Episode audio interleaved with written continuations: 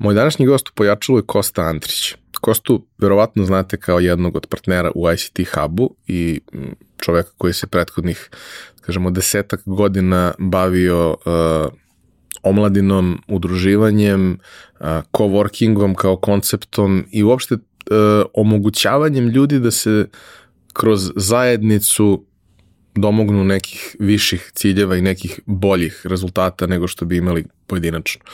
Pričali smo o čitavom njegovom razvojnom putu, uh, koji je vrlo interesantan i neobičan, a pričali smo i o tome zašto je ICT Hub poseban, jer jeste poseban, je zapravo gotovo jedini takav primer na ovim prostorima koji funkcioniše kao firma koja ima sve one karakteristike koje jedan biznis treba da ima, dakle održiva je i ima biznis model vrlo jasan po kome radi. Takođe pričali smo o tome kako izgledalo praviti prvi privatni venture capital fond na, na ovim prostorima i e, kako izgledalo ubediti ljude da ti daju novac da investiraš u startupe u ranoj fazi. A na kraju smo se bavili nečim što je njegov fokus poslednjih meseci i bit će fokus u narednom periodu, a to je projekat Srbija inovira, u okviru koga su tim koji on predvodi se bavio analizom šta su naše četiri oblasti u kojima možemo da damo najveći doprinos i za koje možemo da se pozicioniramo najbolje na svetskoj mapi inovacije. Uživajte u ovoj epizodi. Realizaciju ove epizode podržala je kompanija Epson, koja je vodeći proizvođač projektora i štampača za sve namene, od kućne i kancelarijske upotrebe do profesionalnih uređaja koji se koriste od maloprodaje do industrijske proizvodnje. Već 20 godina u nizu proizvode najbolje projektore na svetu, a prvi štampač napravili su pre više od 50 godina. I dan danas svaki godin ulože preko pola milijarde dolara u istraživanje i razvoj novih proizvoda sa fokusom na održivo poslovanje i očuvanje životne sredine. Upravo zahvaljujući tome, njihovi inkjet uređaji najnovije generacije prave 94% manje zagađenja od konkurencije uz maksimalan kvalitet otiska. I vaš mobilni telefon koji sada nosite i na kome nas možda slušate i gledate, najverovatnije je napravio robot koji je stigao iz Epsonove fabrike. Roboti su super. Japanski roboti pogotovo.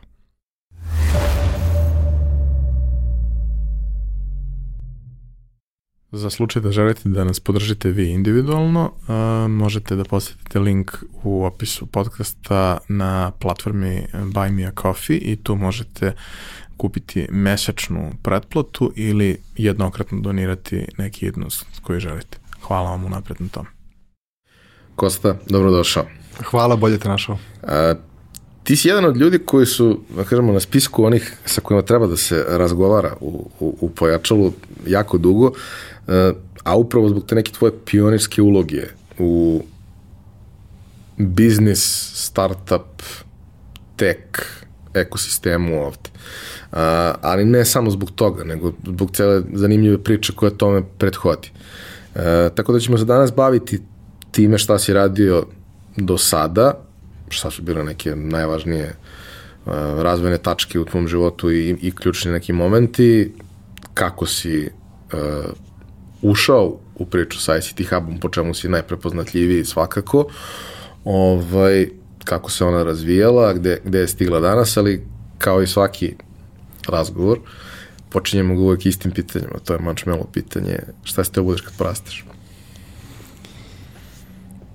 Hvala ti još napod na pozivu i uh, ne govorim to da bi sad podilazio i čast mi ako sam bio, bio na, ovaj, na, na toj listi. Svakako uh, pratim i meni mnogo dragi ljudi, profesionalno, privatno su, su ovde bili gosti sa, sa uživanjem sam negde slušao.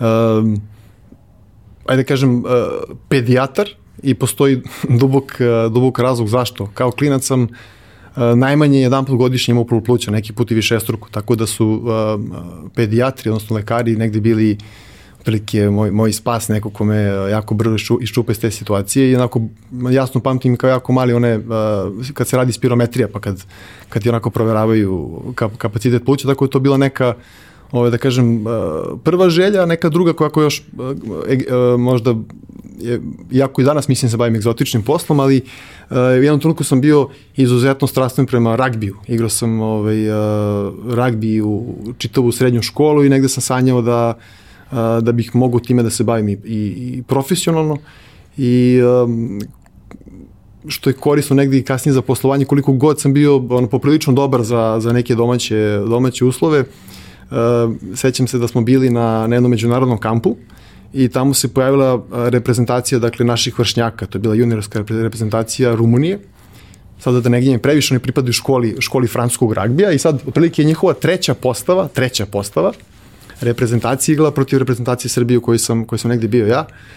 I otprilike rezultat je bio nešto 106-0, da smo u jednom trenutku ovaj, bukvalno ovaj, malte ne smo kao da smo posmatrali ovu utakmicu na, na, na TV-u i da sam negde shvatio da, da ono vrlo limitirane potencijale imam čim izađem iz negde uh, iz dvorišta, dvorišta neke, neke, naše, ne, neke naše lige, ali generalno je uh, sport donosi negde, negde važne, važne lekcije, ali možda neki moj prvi neko pa kažem, uslovno čeno raz, razočaranje. E, bio zaista bio neka ambicija, sad ću da odem da i studiram i da igram ragbi, da će to nešto biti, ali prvi te neki dodir sa zaista ozbiljnim ljudima u tome, ovaj te da negde vrati na mesto i uh, te natera da razmišljaš o nekim svojim drugim, da kažem, potencijalima.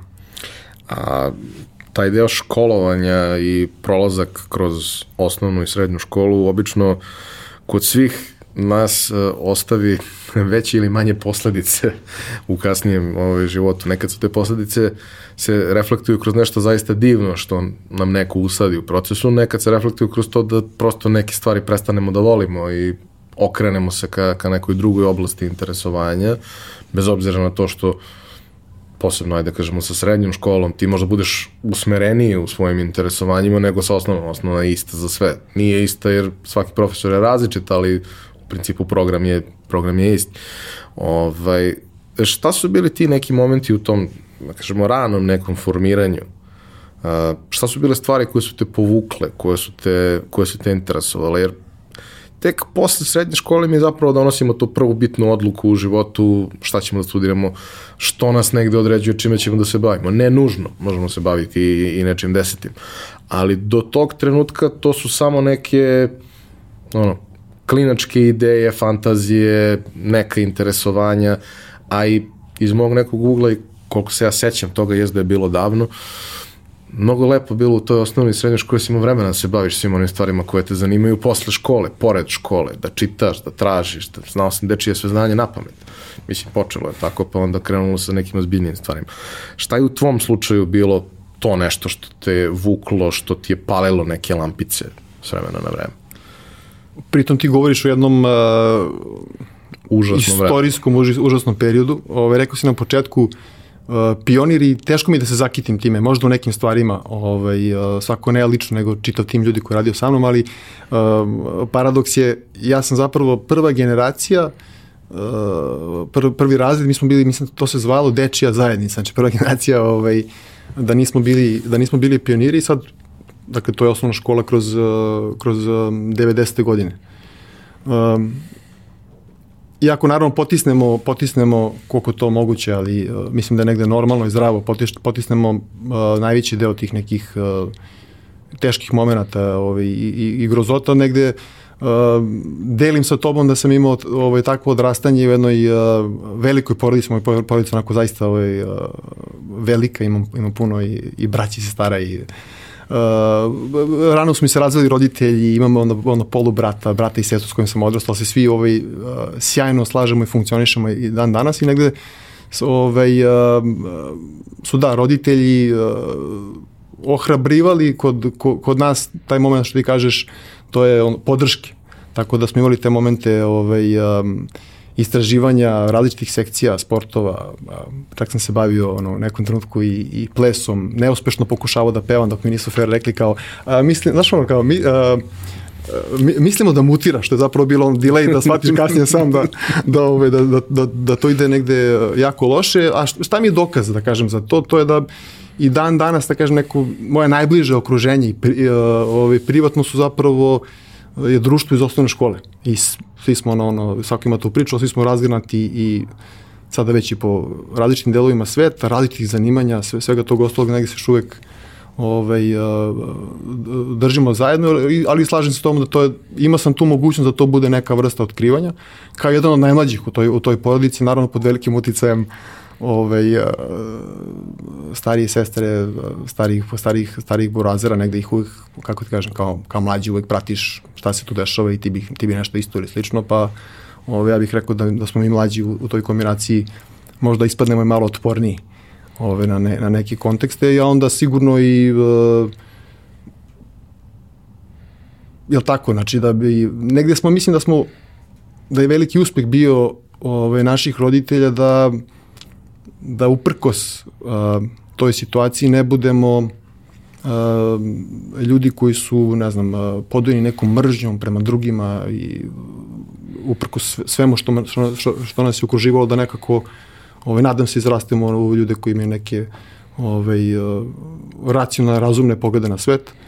Uh, baš si me, sad si me asocirao, potpuno sam, nisam zaboravio, ali nisam dugo razmišljao o tome, tom periodu, ovaj, kada smo onako ono grupno više porodica, kumo i tako dalje su ovaj bukvalno smo simulirali letovanje na Adi, ono kao kad si na moru mi ono ustajemo ujutro odlazimo na Adu, to ono najgore vreme kada se ni, ni moglo se putovnici imalo para. Ali su eto, trudili su se da pokazali ako hoćeš preduzetnički moment, da ono kad su plate bile dve, tri marke kako da se snađu da, da ono da, da podižu decu, ali ima eto u tim nenormalnim uslovima stvore ambijent koliko toliko ovaj, da, da, da to na nešto, da, ne, na nešto liči, da to što ti kažeš ovaj, kroz i osnovnu i, i, i, i srednju školu imaš priliku da u tim uh, ja bih rekao nesigurnim godinama, godinama od otkrivanja od uh, svakog od nas da, da možeš da, da istražuješ i da imaš nekog ko će te ono pridržati ako ono malo padneš unazad i da, da ti da dopusti da se otkrivaš. Ti si dve godine stariji od mene, ali mislim većina mog društva je to. Tvoji godina, par godina starija, mojih ili par godina mlađe. To je u suštini 80 i neko generalno. I onda kad, kad prosto prolaziš kroz to, nije isto ko je 80, 81 i ko je 88, 9. Ta 88, 9 se 90-ih u principu gotovo da i ne seća.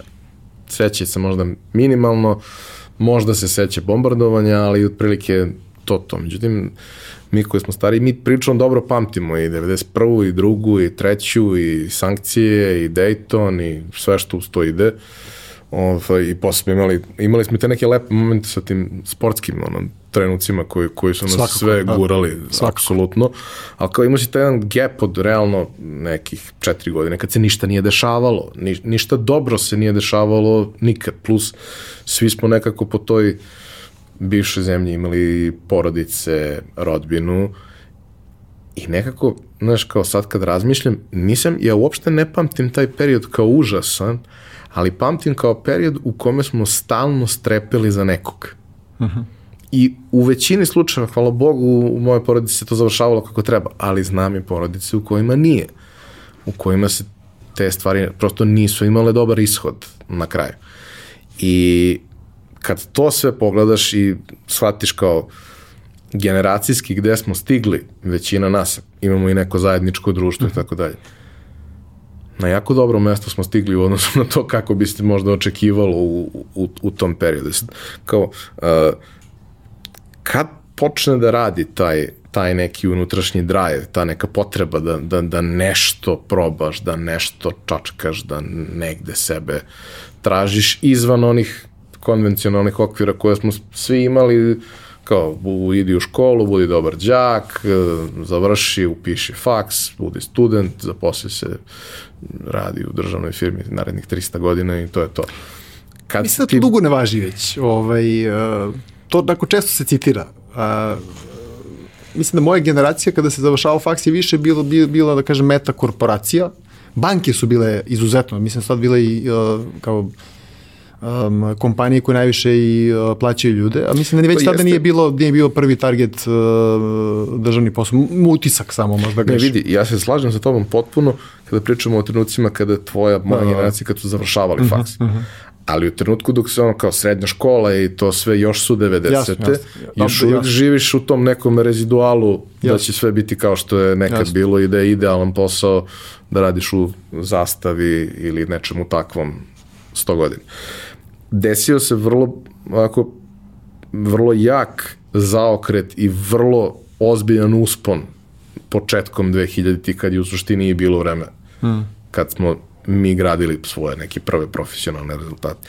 E, ali ti imaš tu taj, mislim, interesantan moment koji mi nije bio jasan, pitao sam te, pa mi je bilo simpatično to što si rekao, ajde da, da malo damo i ljudima ovaj, ostalim kontekst, pošto, mislim, kad čovjek pročita tvoju biografiju i pratiš ta svo, sve to radiš, tu ima dosta nekih zanimljivih segmenta, ali u suštini se vrti oko biznisa, što, što je okej, okay, oko tehnologije u nekom obimu, ali mislim da to možda pre svega do toga što taj biznis ima vrlo jasne modele, vrlo je, vrlo je brz, vrlo je uh, skalabilan, pa je, da kažemo, modern biznis, ajde, u nekoj svojoj osnovi. A onda pogledaš i skapiraš ti završio pravni. I u mojoj glavi, znajući previše ljudi koji su studirali i završili pravni, nema baš mnogo ljudi koji su se ložili na neke malo tako interesantnije stvari u životu. Otkud, to pravo zašto si upisao pravni? I mislim, kako si ga završio kad je to najdosadniji fakultet na svetu? O, to me mogu da, pravo je beskrajno, sad neko ko nije, neće se složiti, ali beskrajno interesantno i dan danas mi mnogo znači uh, u ovome što radim i uh, zaista pruža jako dobru podlogu, jer on ulazi u istorijske, društvene, sociomomente. Mislim, baš ti tako daje jedan, ovaj, uh, jednu širinu. Šta je bio konkretan razlog?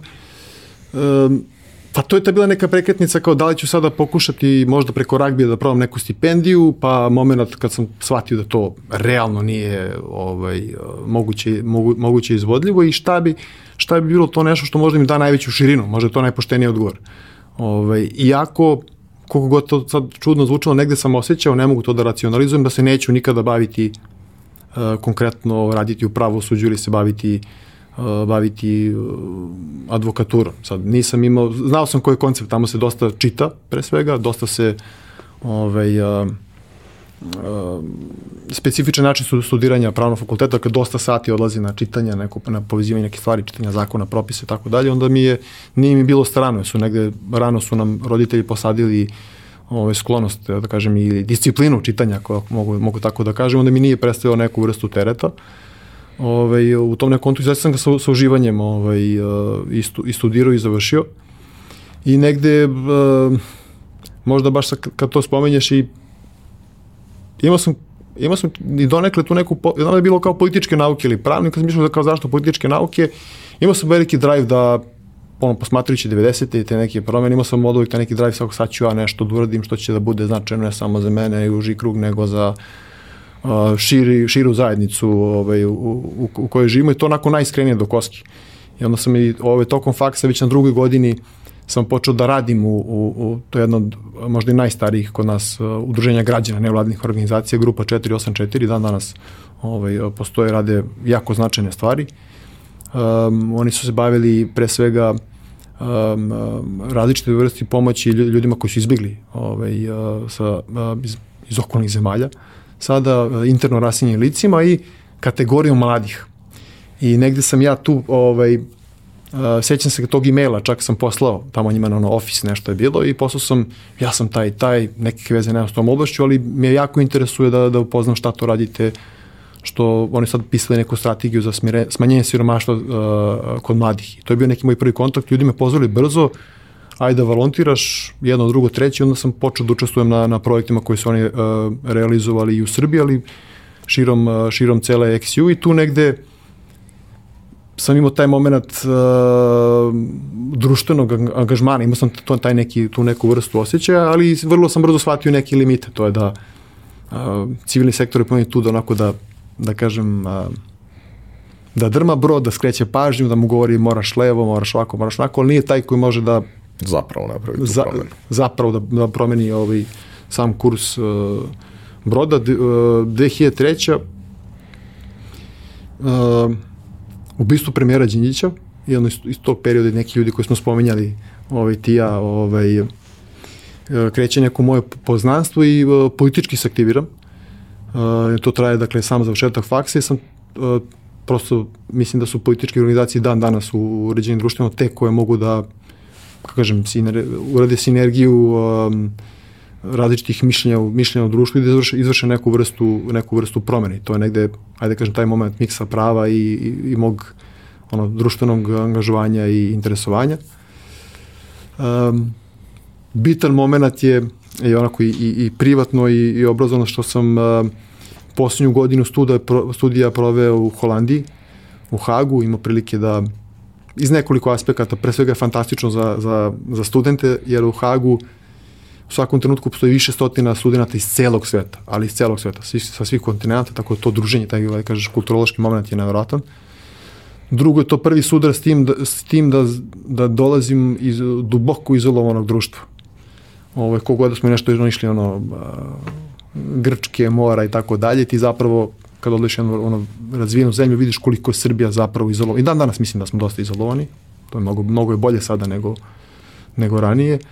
Ovaj, uh, I tek se onda vraćam sa ono sa nekom, znaš, kad se vratiš iz inostranstva pa kao sad ću da Ja, ali ja mislim taj moment imao sam to sa, sa par gostiju kad smo pričali koji smo tu, tu negde uh -huh. tih godina koji se sećamo i toga kako je izgledalo da ne možeš do Mađarske da odeš bez vize. Znači, ne, ne što kažu negde da od, nego ne možeš do Budimpešta da odeš bez vize. I onda kako je izgledalo kad smo zapravo došli do ovaj, bele Schengen liste i postalo nam je sve to prilično dostupno i kao te, taj neki početak 2000-ih kad počinju stvari da se otvaraju, počinje malo da raste standard, s vremena na vreme su ti stvari dostupne koje ti nisu bile dostupne. Nemaš ti i dalje putuješ ono koliko bi voleo, ali možeš jednom godišnje da odeš na ono 5 dana negde. Mislim, ne, nije to više toliko. Bile su one 10, znaš ono, da bilo je uh, slagaću ali iznos, ali bilo je zaista simbolično i sad si ti 10 dana ili 12 dana u autobusu da, da, da, na ekskurziji, obišao si, postoji. obišao si celu Evropu, spavali smo u autobusu, to su bilo, mislim, bilo nam je fantastično, dva put smo išli za malu kintu, ok, klinac izdržiš ono, spavaš u busu, ali e, mislim Verujem da, da ostavlja trajne posledice, ovaj, ali da, to, to, to i dalje postoji u nekom obliku za te absolventske i, da. i slično, ali kao, znaš, došao si u situaciju koja je um, mnogo strašna, nisi je imao do tad, barem ne često, to je nakon mnogo godina ti možeš sebi nešto da priuštiš i dalje ne možeš to da uradiš, zato što prosto u takvoj si poziciji da šansa da dobiješ vizu ako nemaš baš neki jako, jako dobar poslovni razlog je minimalna. Znači, ja sam odbijen nekoliko puta iako je sve bilo savršeno čisto. Pa sam posle imao sreću da, da dosta radim sa, sa inostranstvom, potom više nije bio problem, dobiješ pozivno pismo i, i sve bude ok, dobio Schengene na godinu dana i to. Ali znam kolika je to bilo noćna mora za, za gomilo ljudi koji su došli u tu situaciju kao, e, sad radim dobar posao, sad sebi mogu da priuštim. Želim, želim da vidim, željan sam toga kao, znaš, celo odrastanje, ako sam otišao do Grčke i to je, to je bilo to. Ali ne možeš. I on vremenom kreće i to da se menja. A, Hag, kao, kao iskustvo kod tebe, ovaj, a, ja imam nekoliko i, i, i dragih prijatelja koji, koji žive tamo. I asocijacija i, na Hag. Do, dobro, i, i mnogo asocijacija na Hag i, mnogo odgledanog video materijala iz Haga, ono, tokom tog odrastanja.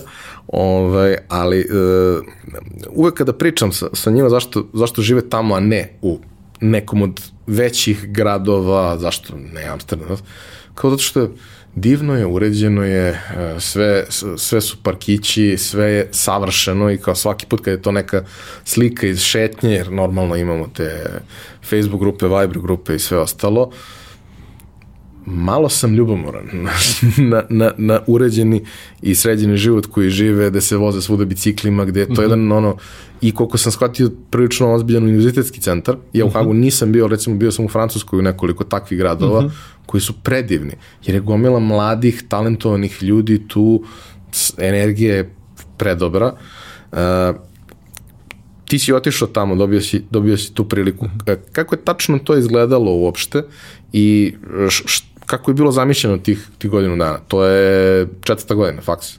Jeste, da, mi smo, ovaj, to je bio uh, program, odnosno konkurs inicijative Mladi iz ljudska prava i ljudi iz uh, različitih, uh, Novosadski, Niški Beogradski univerzitet su prijavili ovaj, kolege, uh, kolege moje i bio, sećam se bio tako jako ozbiljan ovaj, da kažem, prijemni pa intervju i da bi odabrali, da kažem, prvu, uh, prvu grupu stažista i bili smo stažisti u, u, u Međunarodnom krivičnom tribunalu. Uh, profesionalno svako neko je bio na međunarodnom, uh, međunarodnom smeru, nema potrebe da objašnjam zašto je bilo interesantno da uživo vidiš ovaj, uh, uh, i predmete i način način razmišljanja, ali zapravo i opet dolaziš tu situaciju da se, ajde kažem, negde izmeriš sa tvojim kolegama i vršnjacima širom, širom sveta, ovaj, da zapravo prvi put vidiš kako se na ozbiljni način pripremaju sastanci, podnesci, različite neke stvari, tako da u to smislu profesionalno poslovno iskustvo ovaj, da vidim radnu etiku koja po meni dan danas je nešto ovaj, gde mi uh, zaostajemo, to je nešto što sam odmah mogu da im, to, tu vrstu posvećenosti, fokusiranosti, odricanja, ako hoćeš, koje, koje sam mogu tamo da vidim mi je kasnije ovaj, izuzetno značilo.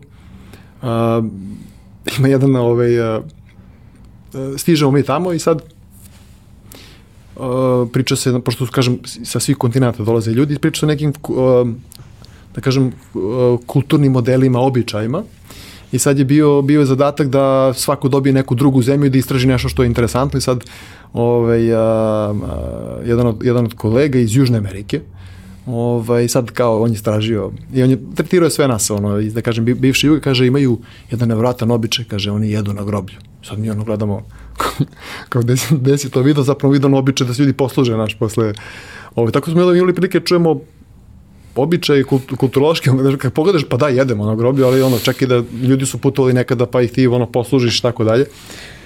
Bili smo izloženi st strašnom, stra, uh, aj kažem, u kancelariji sam sedao sa ljudima koji su iz 10 različitih zemalja, kontinenta, znači tu vrstu, ja to nikad do života nisam imao prilike. Trebalo mi vremena da se adaptiram. Znači to je, ajde kažem, dolazim iz porodice koja jako otvorena, tako su nas on odgajali, opet sam imao, ono, kako kažem, izazov da se, da se prilagodim i to mi jako puno značilo da da kažem da, da danas gledam kroz ono, jako nosim i ove cvikire za vid ceo život, da gledam kroz jedne, kroz jedne druge okvire. Ove, to možda to najznačajnije što, što, ove, što sam negde uh, prosto te natera i stavi, stavi na, uh, u poziciju da naučiš da komuniciraš druže sa, sa, sa vrlo različitim ljudima tebe, sa različitim uh, prošlostima, uh, navikama, raznoraznim navikama, ovi, to je nešto što je, baj kažem, najvrednije što sam mogu da ponesem, a za to je potrebno vreme, tih godinu dana je bilo ovaj, negde dovoljno da imam dodira s tim. Ne znam kako bi drugo okruženje mogu da odim nego, nego toliko, ovaj, toliko ovaj, raznoliko. Da, za mlade ljude uni, univerzitetski centri na 45 minuta vozom od Amsterdama, mislim da je vjerojatno jedno od boljih mesta za, za provesti, tako da ima mlađih, ako ima nekih stipendija za, za Hag, ne, pro, nemojte da propustite, ili Utrecht, Leiden. Ima taj moment gde uh, prosto koliko god bio otvoren, uh, odrastaš u jednoj kulturi koja je konzervativna, gde nema tih upliva nije ti uobičajeno da sretneš drugačije ljude na ulici. Sad sve više jeste, ali Tako. pre deset godina je to bilo nezamislivo. I onda čak i ako si ti vaspitan, pristojan, sve kako treba, ti jednostavno imaš svoj uh, framework šta je normalno. I odeš da pričaš sa nekim koji ima potpuno drugačiji. I sad, vrlo je teško prihvatiti da te stvari mogu da funkcionišu na drugačiji način, da ne vole svi da se grle, da ne vole svi da se rukuju, da iščupaju jedan drugom rame, da prosto neke stvari funkcionišu potpuno drugačije, da različite kulture na različit način ispoljavaju svoje emocije, na različit način komuniciraju, nisu toliko direktni, nemaju toliko... Znaš, to sam recimo pričao kad je, kad je bio ovaj, Laza Džamić, to možda prvi put, ovaj, koliko zapravo naš način komunikacije uh, je agresivan. Mislim, nama nije jer smo mi na to navikli, ali kada odeš u, u Britaniju koja je drugačija, mhm. hladnija, mhm. konzervativnija, zatvorenija u tom nekom smislu, oni to doživljavaju kao agresiju, ali ti neće reći da si agresivan. Reći će ti to na drugačiji način i ti ako ne kapiraš šta, šta je hteo čovjek da ti kaže, ti ćeš da misliš da je to super što ti je rekao, ali u suštini ti je rekao da si ti sileđija, verbalni sileđija što je onako generalno mnogo, mnogo često ti ono kleševi sa, sa, sa drugim kulturama izazovu neke sjajne stvari u perspektivi, ali u trenutku izazovu veliku nelagodu kod, kod, kod svakog. Pa to ima ono čuveno kao uh, zamisli kao dele račun. To je ono klasičan primer, kao dele račun kad treba da se, pla, da se negde da se, da se, da se plati pići. Tačno u okviru tog velikog broja studenta postoji deo onih, ne samo mi, nego deo onih koji se povuče u sebe ili se drži da kažem, svog nekog miljeja, ove, teško se, teško se negde otvara, ali ono što mi je bilo važno i što sam kasnije uspevao da, uspevao da repliciram i shvatim važnost, ove, to je da a, ta raznolikost u timu, u toj našoj kancelariji, baš zato što smo bili takvi, nas je činila onako jedinstvenom ekipu, jer svako donosi nešto svoje. Sad, ovaj, a, spomenuli smo ono time se danas bavimo, ajde kažem, pod nekim krovom inovacija, ta ovaj, šarenolikost ljudi različitog, zašto Izrael, mislim, to što jeste danas ono, u svetu inovacije, upravo kad postoji taj, ta diverzifikacija ljudi, dakle su došli obrazovnog nivoa, kulturološkog, vere u ispovest, ono, šta god uzmeš, dokle god postoji ta, ta vrsta šarenolikosti, onda je veća šansa da, su, da, da, da je ta grupa ljudi i kreativnija, što znači da je probila barijeru tu komunikacijsku, da su prihvatili, ok, ti si ono, drugačiji si prihvatan to kako jeste, ono, ja ću platiti račun za bojicu, ti ćeš neki put tražiti da podelimo, neću oko toga sada pravim dramu i da zbog toga s tobom da se ne družim da te ugovaram. Kada se, ove, nije to, tolika, nije to toliko strašno. I, i treća stvar, uh, ti si govorio o direktnosti, možda neko kaže vrsti agresivnije komunikacije, ali feedbacka, ove, ja sam tad prvi put suočio, ove, ako to je, dakle, znači kraj mog faksa, da me neko izvuče sa strane kaže slušaj, ovo je, ovo je jako dobro, vrlo konkretno, a ovo, ovo što radiš je izuzetno loše, iz tih i tih razloga i tako napred. Dok sam ove, da jako direktno, čak i na, na, u, na, u pir odnosu te neko izvuče, kaže, a, Kosta, juče ono što si rekao, to je mene povredilo, sam to do, doživeo ili doživela na takav način, teo sam da vidim da li da li ove, si to mislio ili si teo nešto drugo da kažeš. Znači, to su neke stvari koje su mi, nisam ih imao do tada, mi neko to drugačije Da, mi to nekako Prećutno guramo rešav... u sebe, da. Da, da, to su bila... Prećutno da, ne rešava. Da, što je, što je važno, što kasnije sve važno za teren poslovanja, vođenje tima, Apsolutno. Da. Uh, hoću još samo jednu stvar da te pitam vezano do faks, pa ćemo da pređemo mm -hmm. na konkretnije ove teme, a to je uh, naravno da sam se šalio na početku kad sam rekao da je pravo najdosadniji faks iako ima predmete ja poštujem ako imaš tako mišljenje koji su užasni ovaj, ali ono što, što je lepo je što pravo ima mnogo oblasti i ok, ti moraš da prođeš neku osnovu da bi mogao da se baviš bilo kojom od njih, ali možeš da nađeš oblasti koje će da te zainteresuju, možeš da nađeš mnogo zanimljivih stvari za istraživanje. Uh, ti si znao da nećeš da se baviš time, mada si se bavio. Uh, ali znao si da, da ti nije to neka velika želja, neki cilj, ali da si imao neke stvari koje su te povukle, koje su ti bile više interesantne od ostalih. Međunarodno pravo, to mi je bilo ovaj, e, interesantno, sad da duboko uđem u razloge, moguće da me vuklo to, to znači da bih radio kroz neke međunarodne institucije, da bih ovaj, putovao, da, da se baviš, e, kasnije dosta me privukla i, i privreda, tada već je, što kaže, posle, posle 2000-ih je i dolazak većih kompanija i vidio sam negde starije kolege odlaze da rade u kakve advokatske kancelarije, ali uvek to međunarodno javno pravo, pogotovo ima taj moment uh, važnosti dokumenta, deklaracija, povelja za ceo svet koji dan danas ovaj, se pozivamo na njih kada imamo neki tako ovaj, uh, problem, to me negde vuklo, vuklo i privlačilo, ali slagao bi kad bi rekao sad imao sam jasnu metu, ono dan posle se dešava tako nešto, čak onako razmišljam kao da li sam suviše bio to kao grubo reći, nije, nije, nije svako kako vetar duva, ali neki, više neki instinkt kao kako me je vuklo ajde da kažem da sam pokušao da, da, da osluškujem sebe. Ako se predugo budim nešto nezadovoljan, to onda i dan danas ja to onako se retritom, što bi se reklo, i razmislim, povučem malo i razmislim što je to tako i analiziram. Uh, ono što isto pitam sve goste, a ti si pominjao negde kako si krenuo prvi put da radiš, odnosno konkretno da volontiraš, pa onda i sve ostalo, ali kao, uh, jeste mi bitno uvek da pitam sve svoje goste šta im je bio prvi posao, to je ono čuveno poslovi.infostu.com pitanje, ali to može bude od ono sezonskih poslova koje smo svi negde u nekom trenutku radili, pa do toga šta je zapravo bio prvi posao, posao za koji si se prijavio, gde si imao platu, gde, gde si slao CV, gde si išao na razgovor, pominjao si uh, grupu 484, uh, što, što je cool, ali je bilo nešto pre toga? Bilo je, radio sam, radio sam u, u, u dva različita kafića ili puba, bolje da kažem. Ove, tragično. Ove, nemam, iako sam se bavio sportom, nemam, nemam tu neku koordinaciju, pre svega manualnu. Ovaj, I uh, u Takovsku jedan uh, tak, kafić je bio, to bilo leto, radio sam 3-4 meseca. Ovaj, sećam se, bilo neverovatno toplo, bilo 38-9 stepeni i sedeo je ovaj, jedan jako poznat, ajde ne spomenjem ime, jako poznat naš glumac i reditelj, sedeli zajedno, pretoplo je bilo, sedeli u bašti i tada je bilo ono pivo uh, Cofman ili Zofman, -huh. kako se, i oni su naručili, primjer, dve krigle veliko pivo, ono, pola litra, litar, i sad ja, posle meseci i po dana ću to da nosim na Inceru, i kako sam im prišao nešto, da sam teo da pokupim peljeru, ravnoteže i obe ove, ovom jednom ovaj, potpuno ono, litar piva sam prosao po čoveku, tako su završilo ovaj, neslavno, su mi rekli kao ti si kao, bit ćeš travo šanku, to znači pereš, pereš sudovi, imali smo neku onu malu, tako da sam ovaj, u, u tom kontekstu to je bio ovaj, to je bio to je bio taj neki moment, ali da, da, da, da budem fair, imao sam uvek, uh, hteo sam da, da, da osetim ovaj, i, i rad što pre, uh, i, i, ali sam s druge strane imao odnosno imao sam uslove da nisam morao još ranije, dakle to je neki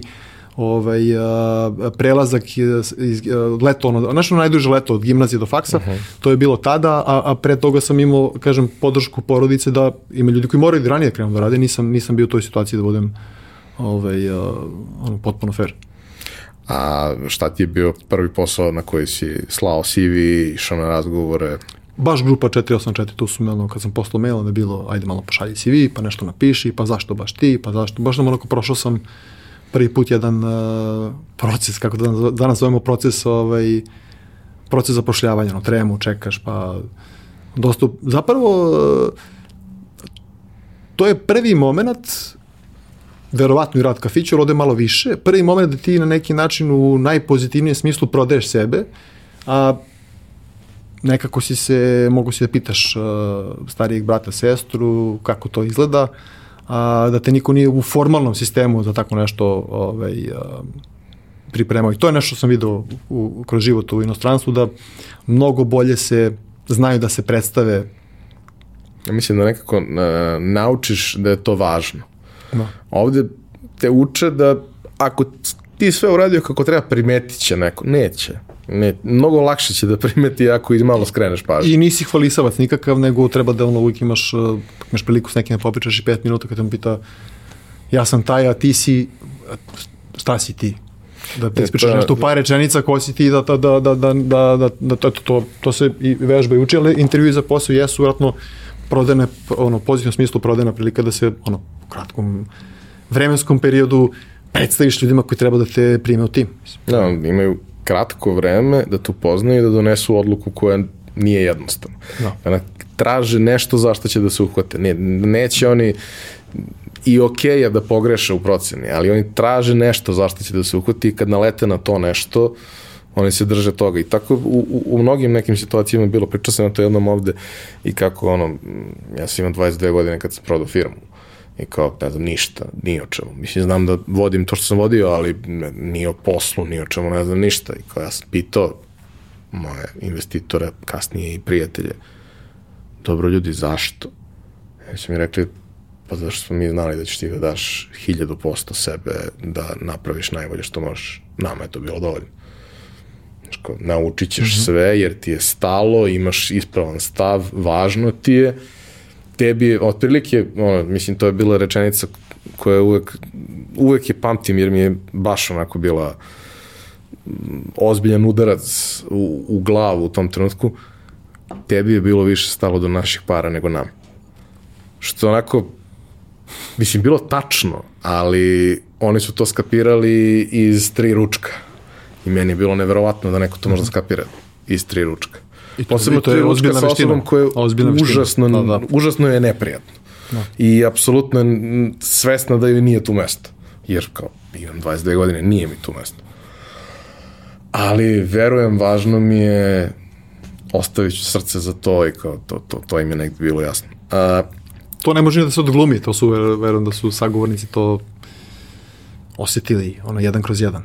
Pa, Tako čini da se da da. A, Šta su ti bili najvažniji projekti na kojima si radio? Pa ako bi posmo, životno? Ovamo u, u, u grupi. Um, Pa bio jedan projekat koji je pokušavao da, da definiše konkretne aktivnosti koje mogu da poboljšaju status zapošljavanja mladih ljudi, to je tad bilo, mislim da je granica bila do 28 godina, tako nešto definisalo 15 do 28 i da je obuhvatao Hrvatsku, Bosnu i Srbiju, da zajedno rade na tim merama, da, razme, da razmenjuju ovaj, neku vrstu iskustva. I šta je sad tu bio, da kažem, neki ovaj, konkretan rezultat, pre svega tog zajedničkog rada koji je i u tom periodu bio ovaj, još uvek onako svež, dosta rana tu ovaj, je, je postojalo, to da su tada nas realno kao klinaca preporuke do kojih smo došli su jesu uvrštene u, i u neke nacionalne strategije, kraju, na kraju zaživjeli kao neke realne ove mere koje su ticale i studenta i stanovanja i uh, uh, nekih razmena i znači videli smo da ono jako je bio projekat da se da je krajnji rezultat bio da su ovaj svete države su počele da se primenjuju te neke mere onda sam ono baš je bila velika um, velika satisfakcija čitavog tima ko, ko je ne, negde na tome radio. Dakle, čuo se da kažem naš, naš glas, imali smo tu neku, neku važnost i uh, tada u tom procesu su se naravno drž, države oslonjale na civilni sektor koji mogu da da privuče i znanje ekspertizu da, da ponudi kakve to mere treba da se usvoje da bi se taj, da kažem, položaj jako su mladi ono široka kategorija, ali da bi se konkretne neke stvari predložili, implementirale, ispratile, izmerile, izmerio efekat, to je bilo nešto što, što mi je onako bio, ovaj, ostaje kao uh, ostaje, ostaje zaista onako u lepom sećanju smo nešto uradili. Ja, uvek ima taj moment uh, kad ulaziš u nešto idealistički, da imaš potrebu da se sve to što si ti smislio desi. I obično ne može. Ali i, i ako napraviš tri koraka umesto sedam, to je dalje tri koraka više nego što je bilo do tog trenutka i to je dalje velika razlika. I onda kao, kad si mlad, nekad ti ta tri nisu dovoljno, kad dođeš malo ove neke srednje godine, onda ti je i jedan super, posebno ako je došao nakon nekih prethodnih, mm -hmm. pa je to jedan više, jedan više, jedan više i, i tako i sto iteracije stigneš tamo gde treba. Ali taj, uh, u suštini taj, taj neki rad sa, sa mladim ljudima i uh, ne mladim u, u tom nekom uh, najčešćem smislu kada govorimo, to su obično baš deca 15, 16, 17, 19, 20, 21, ali to od, od 16 do 25, do 27, 28, to je u principu ono, najkreativniji, najpotentniji deo društva, onaj koji može da napravi najveću razliku, možda ne može trenutno da je napravi, ali će je napraviti u narednih 10 godina.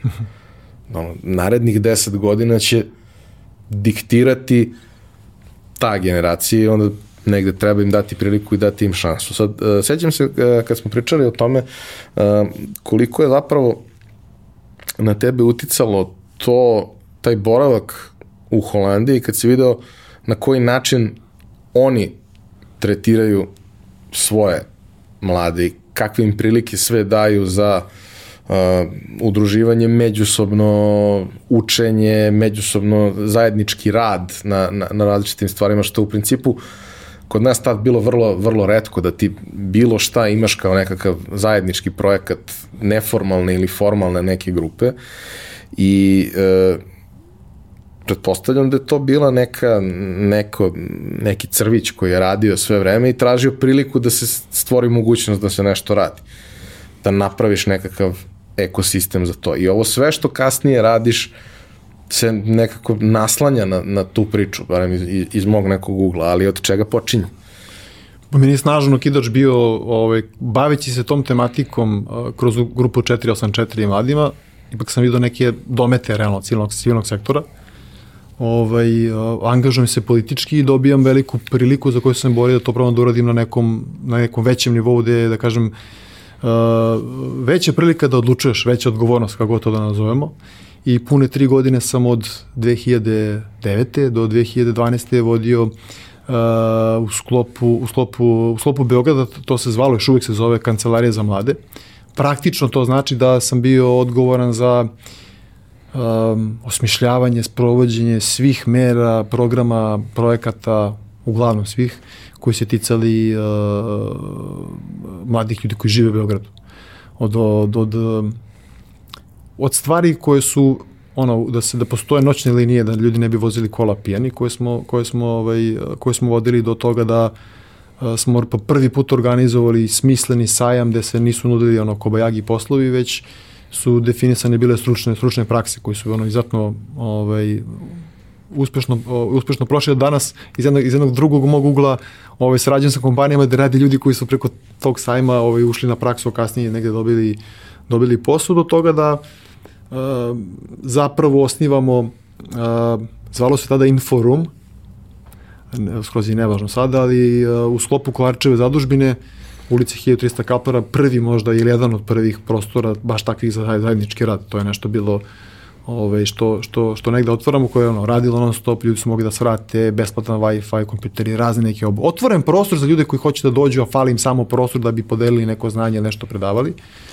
I to onako ozbiljno ovaj, poletelo. Uh, uh, ja sam to vidio u inostranstvu, da budemo jasni, nisam sad ono, izmislio rupu na saksiju, sam vidio taj, taj, negde, taj negde trend i kasnije to onako raslo i, uh, i nakon toga što više nisam ovaj, vodio vodio kancelariju za mlade, se kasnije to mislim preselilo i, i otvorilo u zgradi Beograđanke, sad opet se ovaj, transformiše, ali je nastalo da živi negde kao, uh, kao koncept, tako da sam na taj, u tom periodu ovaj, ponosan sam na taj period, sad tri godine onako uvijek to ovaj, o, mnogo mislim da sam uh, naučio sebi.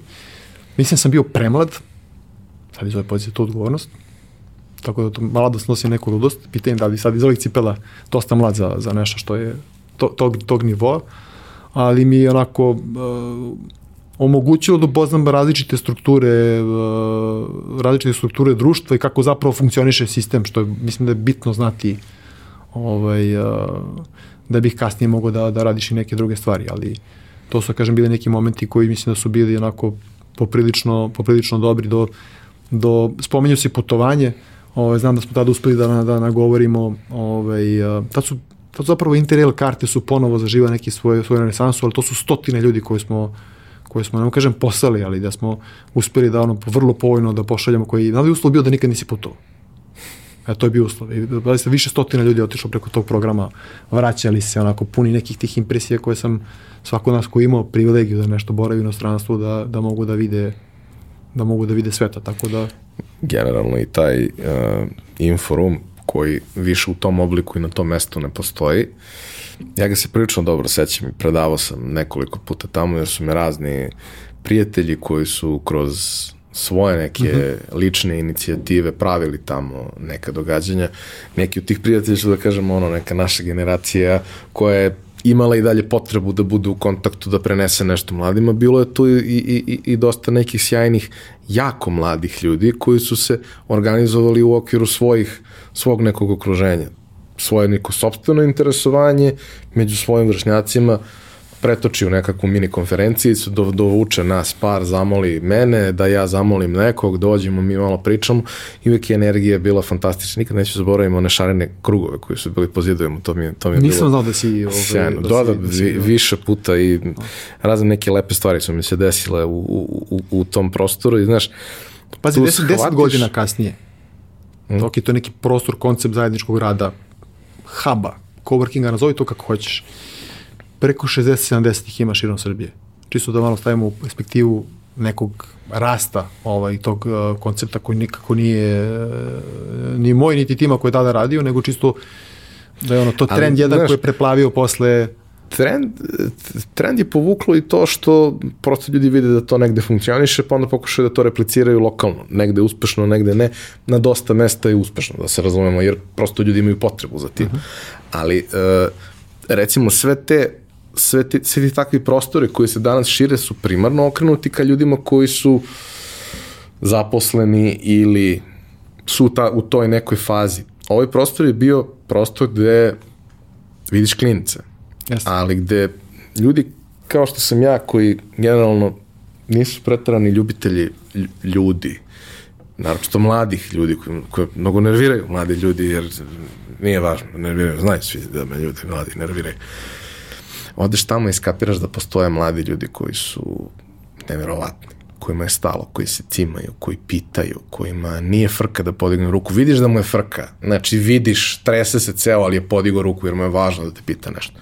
Ne može da ti bude teško da mu kažeš. Ne može da ti bude teško da mu ostaviš telefon ili mail ili da ga pratiš ono ima ljudi koje, koje sam tako upoznao, koje mm. x godina kasnije i dalje se povremeno čujem, nekad se i sretnemo ponegde i uvijek mi bude drago, ali nikad neću da zaboravim, to mi se desilo, možda sam to čak i pričao, e, to mi se desilo pre 6-7 godina, 6 godina, na, na, na Roland Garrosu.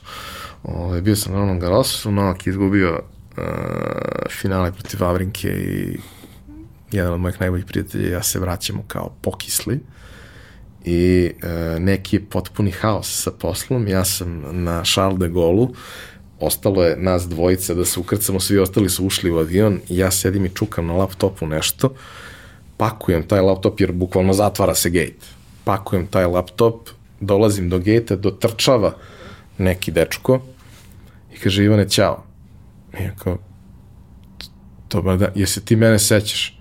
I ja mu kažem, sećam se kad i gde. Ne znam kako se zove, ne znam šta sam pričao, ali se sećam da je bio u Inforumu 2011. Super. Baš mi I drago. on mi kaže nešto tu sad, kao on je, on je, tad je bio neki srednjoškolac, kraj srednje škole, nešto tako. Među vremenu je on završio fakultet u inostranstvu, krenuo da radi, sad se vraća nešto preseda i on nešto 16 letova preseda, vraća se u Srbiju, ali kao, znaš, ono, gledam i kao, e, kad bi ti kao znao koliko, koliko je meni bilo značajno to što si ti nama ispričao to popodne. I, brate, mm. ništa ti nije teško. Više ti ništa nije teško. Sve ti je teško i ništa ti nije teško isto vreme. Tako da, uh, respekt za, za to. Ali to su tri godine tvog života taj ceo set aktivnosti. Jednog malog tima koje je radio, to je bilo, bilo četvoro, petoro ljudi, naravno za ogromnu ovaj, pa, političku podršku koju smo imali. To je ono, da, ono, dobro radite, radite i ono gde treba, treba se menja linije prevoza gradskih, treba ovo, treba ono, imali smo motorne vrate, treba se priča, ne znam, raznih tu stvari je bilo, imali smo, imali smo ono, tih puni tri godine, stvarno smo imali ovaj, podršku da, da, da te neke stvari ovaj, uh, menjamo, tako da ono, relativno, relativno mali tim uz veliku podršku je to, to negde mogo da, da izgora. I šta je onda bilo? Pa to se završava, prosto mi, kada kažemo, ističe mi ugovor, mandat mi se završava 2012. godine. I onda sam malo, imao sam tu fazu nekog svog, um, lako sam ja mogu da nađem ovaj posao ovaj, to na kontekstu, pogotovo sa tim, kažem, specifičnim nekim uh, iskustvom koje je sad vuklo i, i projektno i, me, i neku, me, kažem, međunarodnu izloženost i, i sve ostalo, sam imao neko uh, mogu sam da vidim kroz politiku da postoji previše onih uh, spoljnih faktora, eksternih faktora na koje tako ne možeš da utičeš kao pojedinac. Tako da nešto što je tvoj neverovatan trud, uh, prosto može da se uruši lako nečim nespotrebnim potezom, namernim ili nenamernim. I onda mi to negde me to, to me dosta žuljelo.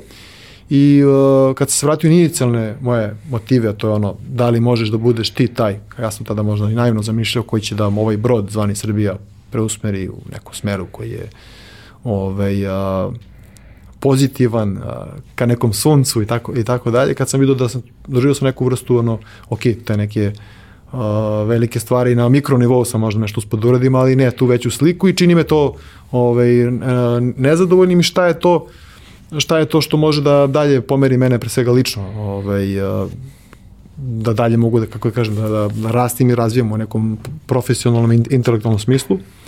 I u paraleli sa tim se pojavlja oglas za ICT Hub. I kada razgovaram s ljudima, mnogi ljudi ne veruju da tako bilo, ali ja ću ispričati pa, ovaj, što se kaže, staviti me na poligraf.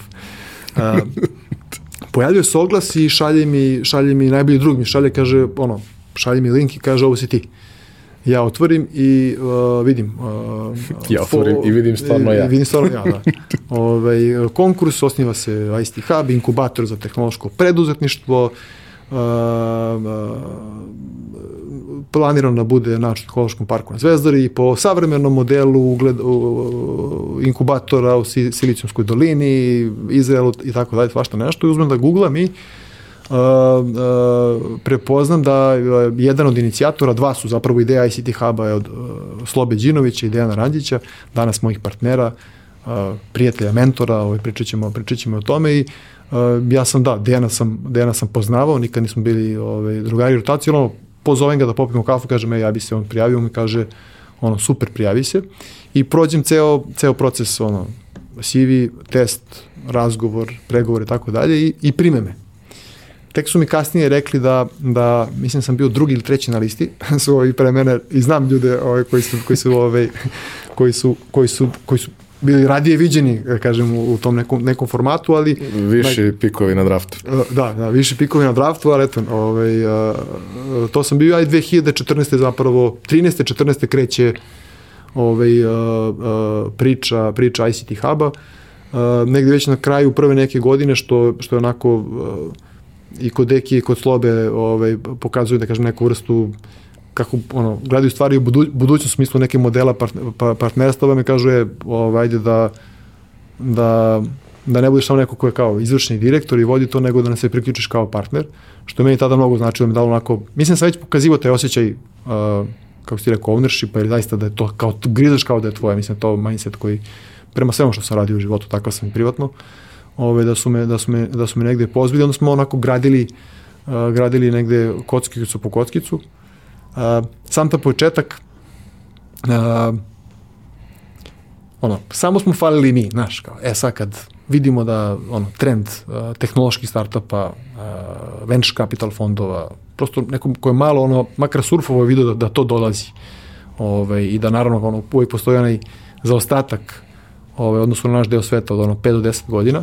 Kao evo sad mi kada otvorimo taj, taj inkubator, svi startupi ove, će doći kod nas i to će da bude ono, jedna vrhunska priča. Naravno, mi smo to otvorili, rekli smo tada i onako videli smo da je scena ovaj, uh, prosto da ima malo, uh, malo kompanija, da su uglavnom izuzetno mladi ljudi, da ne postoji ni pravni ambijent, ni poslovni ambijent, ni investitori, ni znanje, znači mnogo nekih stvari pre ove 7-8 godina, onda korak po korak ne samo mi, već i ono kolegi od, koji su pre nas radili to, od, Startita, Novi Skrimpa Hub, mnogih uh, ljudi koji su dan danas tu iznačeni, su onako se rešavalo, rešavalo, da kažem, jedan po jedan izazov i negde ta, da kažem, ja volim da kažem, uh, uh, inovativni ceo ekosistem je značajno, značajno naraz, narast u prethodnih 6-7 godina. A mi, mi, da kažem, izrasli u, u organizaciju, zapravo firmu, ovaj, koja, koja ajde kažemo, odslikava taj nek, neki ekosistem uh, uh, kroz svoj način rada. Šta mi zapravo radimo, mi se i dan danas bavimo i prvi smo počeli s tim da, da, da investiramo, dakle, privatan novac u, u, u startup kompanije u ranoj fazi razvoja, što se kaže since, uh, since 2017. Uh, sa velikim planovima na tom polju. Uh, radimo sa, sa velikim kompanijama, negde još 2015. 16. baš zato što smo radili puno sa startupima, ove nas prepoznaju kao, kao solidnog partnera, dobrog partnera a, kompanijama koje, koje moraju i žele ili na vreme vide da moraju da uđu u neku vrstu transformacije. I ja to ovaj kažem onako, mi smo ti koji s jedne strane hranimo ove pirane, male, te male pirane znaju često da nam odgrizu deo poslovnog modela ili da nam ukradu deo prihoda, a s druge strane ove velike, da kažem, kitove, ovaj, a, možda ih učimo kako da na vreme prepoznaju te pirane ili kako da prave svoje pirane ili kako sa piranama da se druže ovaj, i sve to da kažem u jednom ovaj, prostoru ovde u, u, u centru Beograda gde je preko 100 ljudi različitih profila, ali dosta i tehnološke kompanije i startupa radi, radi svakodnevno. Ove, da, eto, mi to kažemo, osnažujemo inovacije, ali gledamo da budemo one stop shop za, za od, ono, od pojedinaca do kompanija, do, do da li tražite investiciju ili tražite a, podršku da redefinišete vaš poslovni model, doćete do onih izvornih prihoda, to je neki, da kažem, trenutni setup. Nas 30-ak ove, sada, to onako, dosta onako i tim u prethodne dve godine i, i ne, negdje narastao i nešto na što sam posebno ponosan, to je da kažem, na, na ljudi s kojima radim sve ove, sve ove godine, od osnivača do, do, do, do ljudi koji su godinama sa nama tu, ali imamo tu neki taj neki gen od samog tog početka kad smo videli su nam pretpostavke bile loše da, da, se, da se stalno preispitujemo stalno preispitujemo da li smo na dobrom putu, da li dobro sagledamo stvari, jedne druge da, da negde ovaj, challenge-ujemo, što onako bolno, neko bi rekao šta, ono, svako malo nešto se tu... Samo komplikujete sebi život. Komplikujete i preispituje se, ali mislim da je zdravo da imamo tu vrstu uh, to nas drži u, u formi, ovaj, jer mnoge stvari koje smo, koje smo radili jesu zaista pionirske i nadam se da će tek biti, zašto je potrebno onako kažem, svež, svež, ovaj, sveža perspektiva i svež pogled, jer baš smo svedoci zbog prirode huba, radimo i sa malim i velikim kompanijama i sa investitorima, i, da ono, malo se uspavaš, gotov si. To je prosto da, kako vi gledamo to, gledamo to uživo, onda mi, mi trudimo se da negujemo taj gen kod nas da se to, da se to ne desi nama samima. Um, ono što si u jednom trenutku rekao, a ja hoću se uhvatim za to što mislim da jeste jako važno, to je da je ICT Hub firma. Lepo je i kad stvari nisu firme, ali kada jesu firme, onda to podrazumeva da su one održive, profitabilne, da imaju nekakav realan biznis model na kome opstaju. Ok, imaju i dodatne stvari koje rade pored toga, imaju projekte, imaju svašta nešto mhm. što, ali kao to je samo lep dodatak celoj priči. Ali da bi priča mogla da funkcioniše, da bi dugoročno imala smisla, a mislim da track record govori u prilog tome da ima smisla, mora da bude postavljena kao biznis. Odnosno mora od starta da se o njoj e, razmišlja kao biznis i da se ona razvija kao biznis. Što je u takvoj vrsti inicijativa vrlo često stvar koja nedostaje. Vrlo često stvar koja inicijativu osudi na propast u nekom trenutku u vremenu. Uh, rekao si, krenuli ste sa, sa jednom idejom koja je bila romantičarska i ne baš u skladu sa realnosti u kojoj smo u tom trenutku živeli. Zapravo sad ta ideja deluje kao prilično logično, ali sad je dosta godina kasnije. Uh, bilo je tu prilagođavanje, pivotiranje, bilo je raznih stvari koje ste kroz ove godine radili. Um, šta bi izdvojio? Verujem da dosta ljudi koji slušaju imaju neku predstavu i ideju, prate, prosto ne možeš, prvo, ne možeš da ne znaš, jer kao Ma možeš, od to je, da, to pa je, možeš, ali teško Absolutno. je. Jedan je od, od važnih, da kažemo, mesta dešavanja u gradu godinama unazad. Ne, teško je da, da, ne, da nemaš baš nikakvu predstavu, ali uh, jedna stvar je šta se vidi s polja, druga stvar je kako to izgleda iznutra i kako je to postavljeno iznutra i kako se to razvijalo iznutra. Uh, to, to traje već neki niz godina, znači 8, 9 godina. Uh, šta bi ti izdvojio kao neke ključne trenutke i ključne stvari koje ste radili, koje su vam ono, koje su vas dovele tebe i ostale, ali, ali pre svega tebe, do onih uh, onih razmišljanja, onih zaključaka, vidi možda ovo što radim ima nekog smisla, možda, možda ne gubim vreme, možda ovo stvarno pije vodu, možda ovo stvarno može da napravi tu veliku razliku koju težim mm -hmm. ceo život prva ta generacija, mi su dali generacija uh, startupa koje smo, uh, da kažem, inkubirali. Od njih smo zapravo, da kaj kažem, zamorčići. Od njih smo zapravo jako puno, uh, puno naučili šta je to zapravo potrebno i koja je to mera potrebna da bi neko koje je ono faze papir mogo da se, da se, negde, da, da se negde pomeri. Dakle, to prvo učenje. Dva, kada smo uz pomoć Lazara Stojkovića, uz pomoć američke ambasade koja to ono, finansirala, doveli uh, 500 startups u Srbiju, pa nakon toga uh, uh, i mnogi druge velikane koji su investirali krajnje linije ovde dve, u dve domaće kompanije, nam je s te strane osvetila ono, kokoška je, nema startupa, pa nema ni fondova. Šta treba uraditi? Što nam je osvetilo put da 2017. napravimo, ovaj, napravimo naš fond, pozovemo, pozovemo, pozovemo des, desetak ljudi koji su, koji su zaista uplatili novac u fond, tako da mi možemo operativno da radimo i da finansiramo. Uh, a, da 2000, 2000... Kako je, evo, samo bih hteo tu malo da, da damo još konteksta, jer mislim i dalje čekamo da se lokalni kapital udruži u nekakve fondove. Ima slučajeva, ima sad nekih inicijativa koji, koji idu u tom mhm. smeru, ali nema ih dovoljno i generalno prolazi tu dosta vremena i dalje pričamo o najuspešnijim fondovima na našem tržištu kao o stranim fondovima, bilo da je u pitanju bugarski, slovenački, nije ni važno.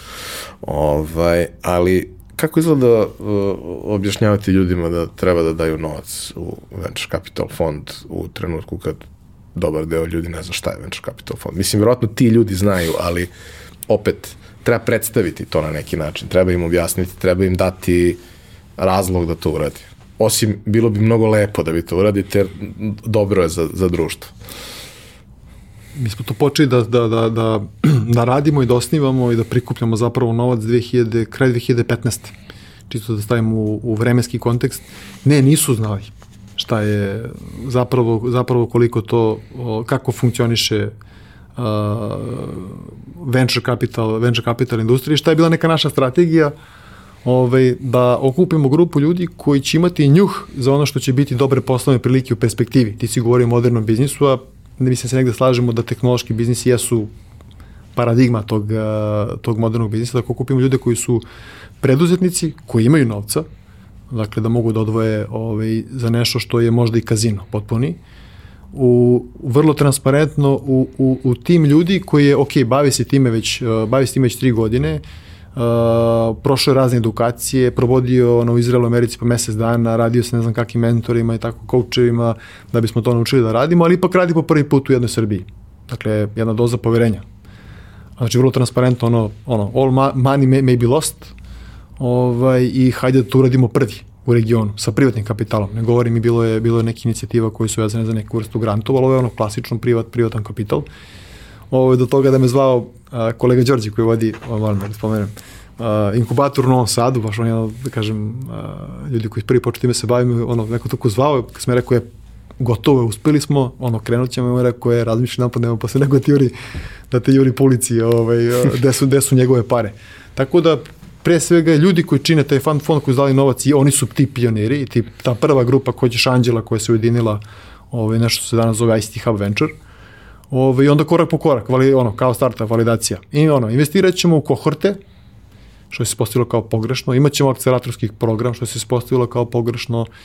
Um, dovođenje ne znam kakih mentora iz ne znam kakih destinacija što se postavilo kao pogrešno, jer mi smo zapravo u jako ranoj fazi i nekada vrlo bazične poslovne stvari uh, naši neki kontakti su mnogo mogli da pomognu, pomognu ljudima, tako da to je bila dvosmerna ulica, pogotovo u početku, dakle,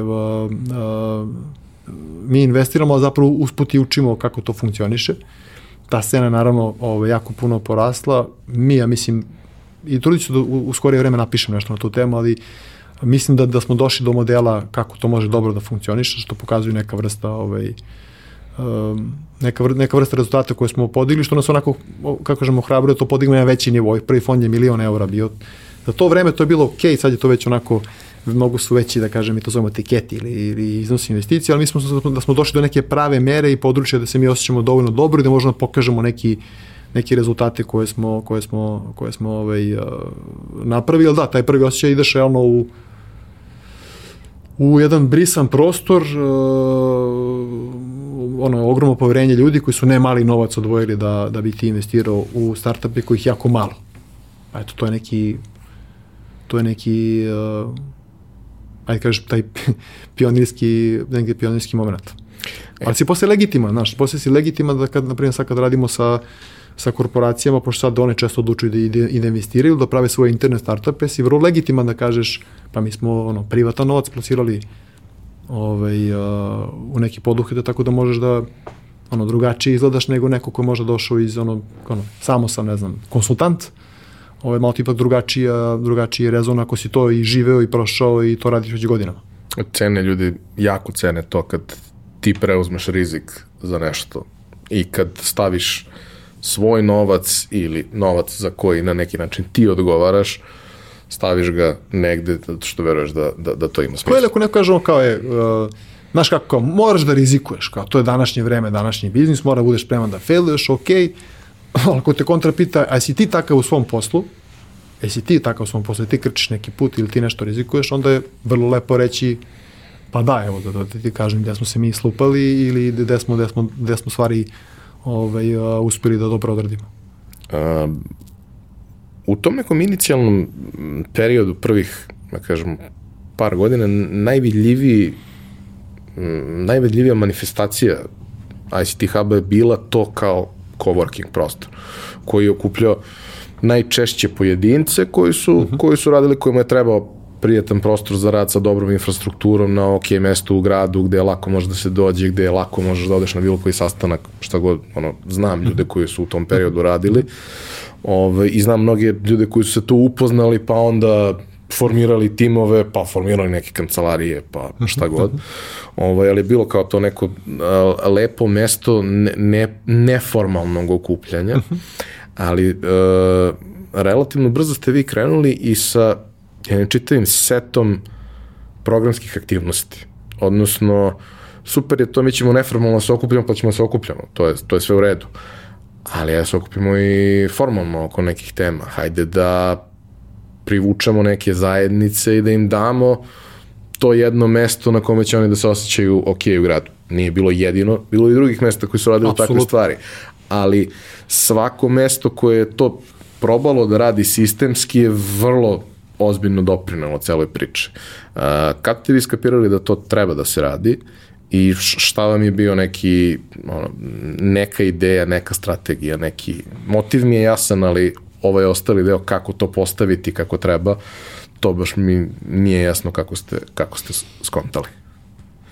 Od početka nam se čila nerealna priča kada se pojave uh, uh, startupi, sad je odmah ambicija, odmah ono, odmah, odmah globalno, odmah svetsko tržište, pogotovo ove, ovaj, nešto što smo mi pažljivo posmatrali, to su, to su da kažem, uh, business to business kompanije.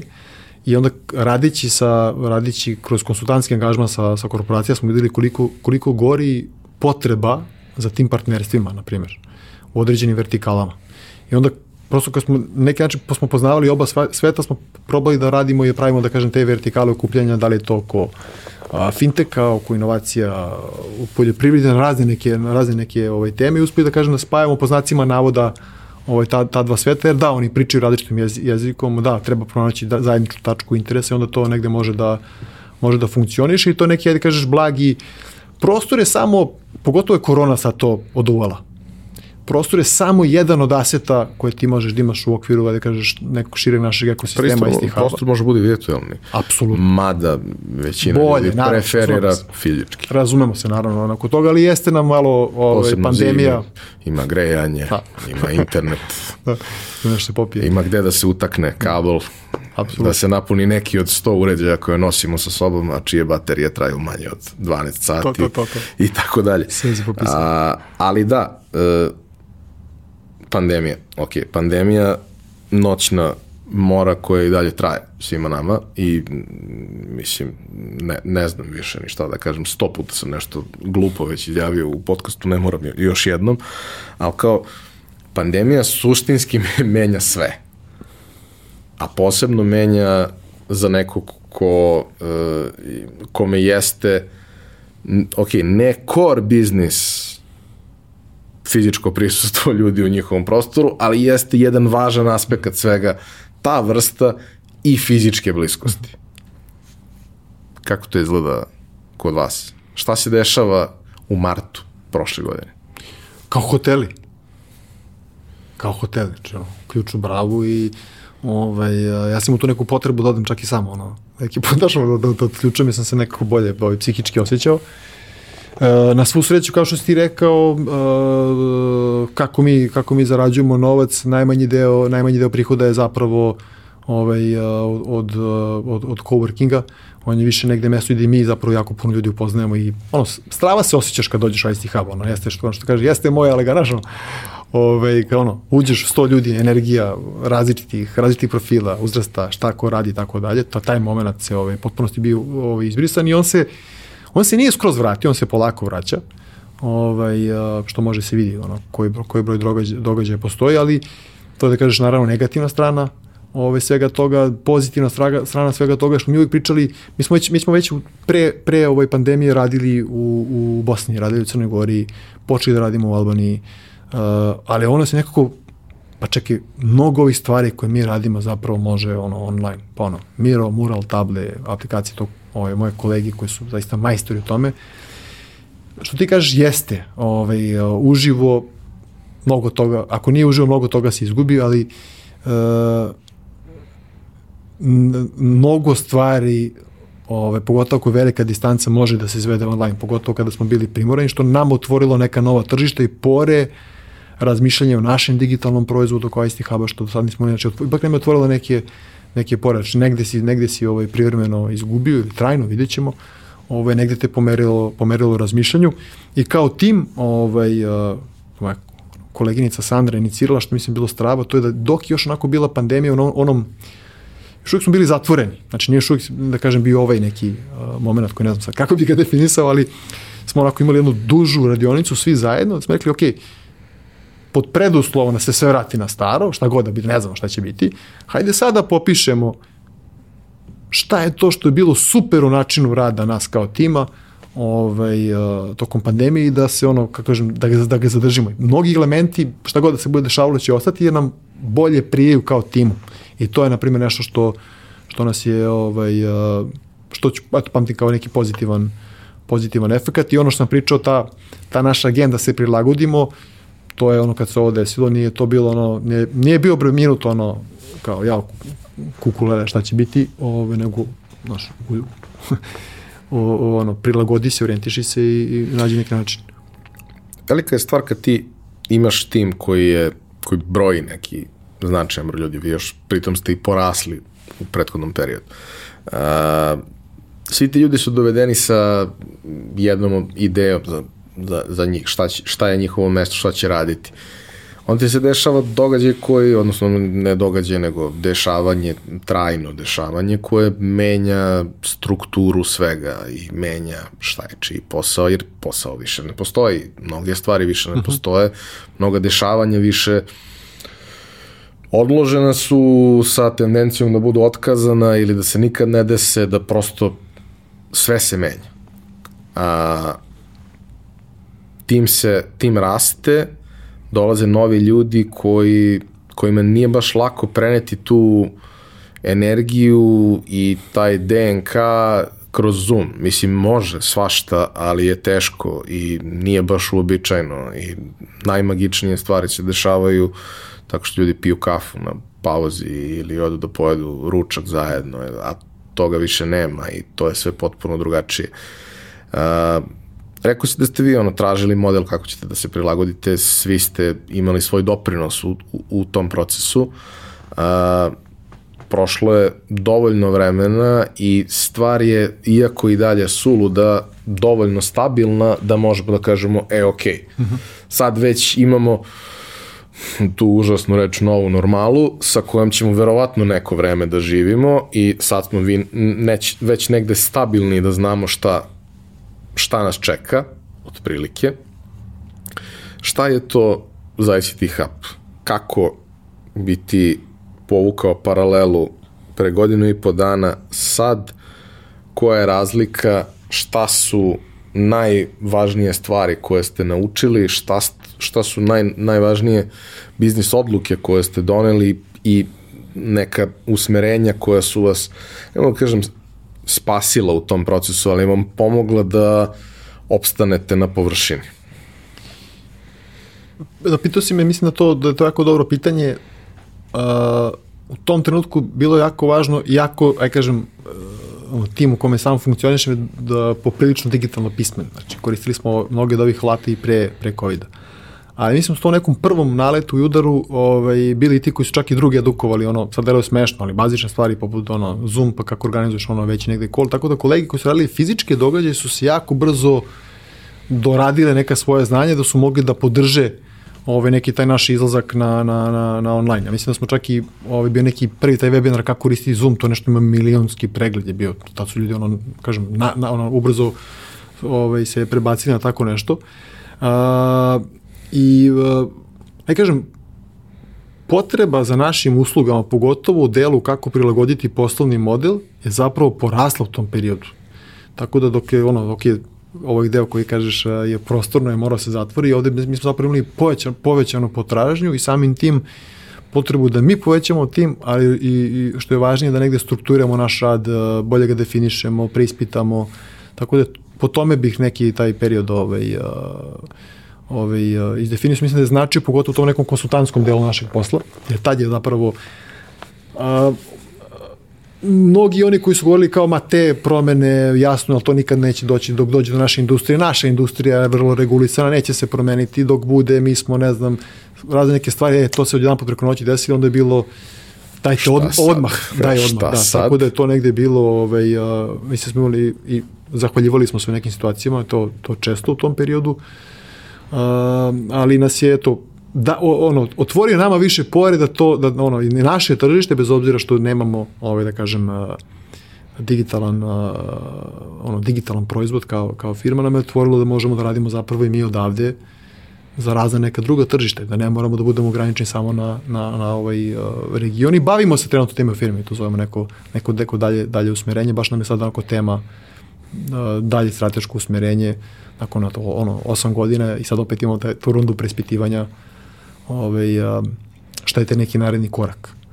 To su Ne dajem, ne ciklusi- dajem ga sam ja, naravno, niti ga daje pojedinac, nego je to uvijek ono jedna diskusija, diskusija na momente žustra, na momente bolna, ali a, do sada nas je ovaj, očuvala i pomagala nam da, pomagala nam da, da rastemo. To su ti ciklusi komplikovanja sobstvenog života. Pa Dobro, su. vole ljudi, vole. Ja ne kažem i ja često tako zakomplikujem sebi život da vidim šta će da se desi. Mora postoji neko u timu ko, ko to, ovaj, a, koje da kažem, ili više ljudi timu koji su, da kažem, čuvari vatre tog.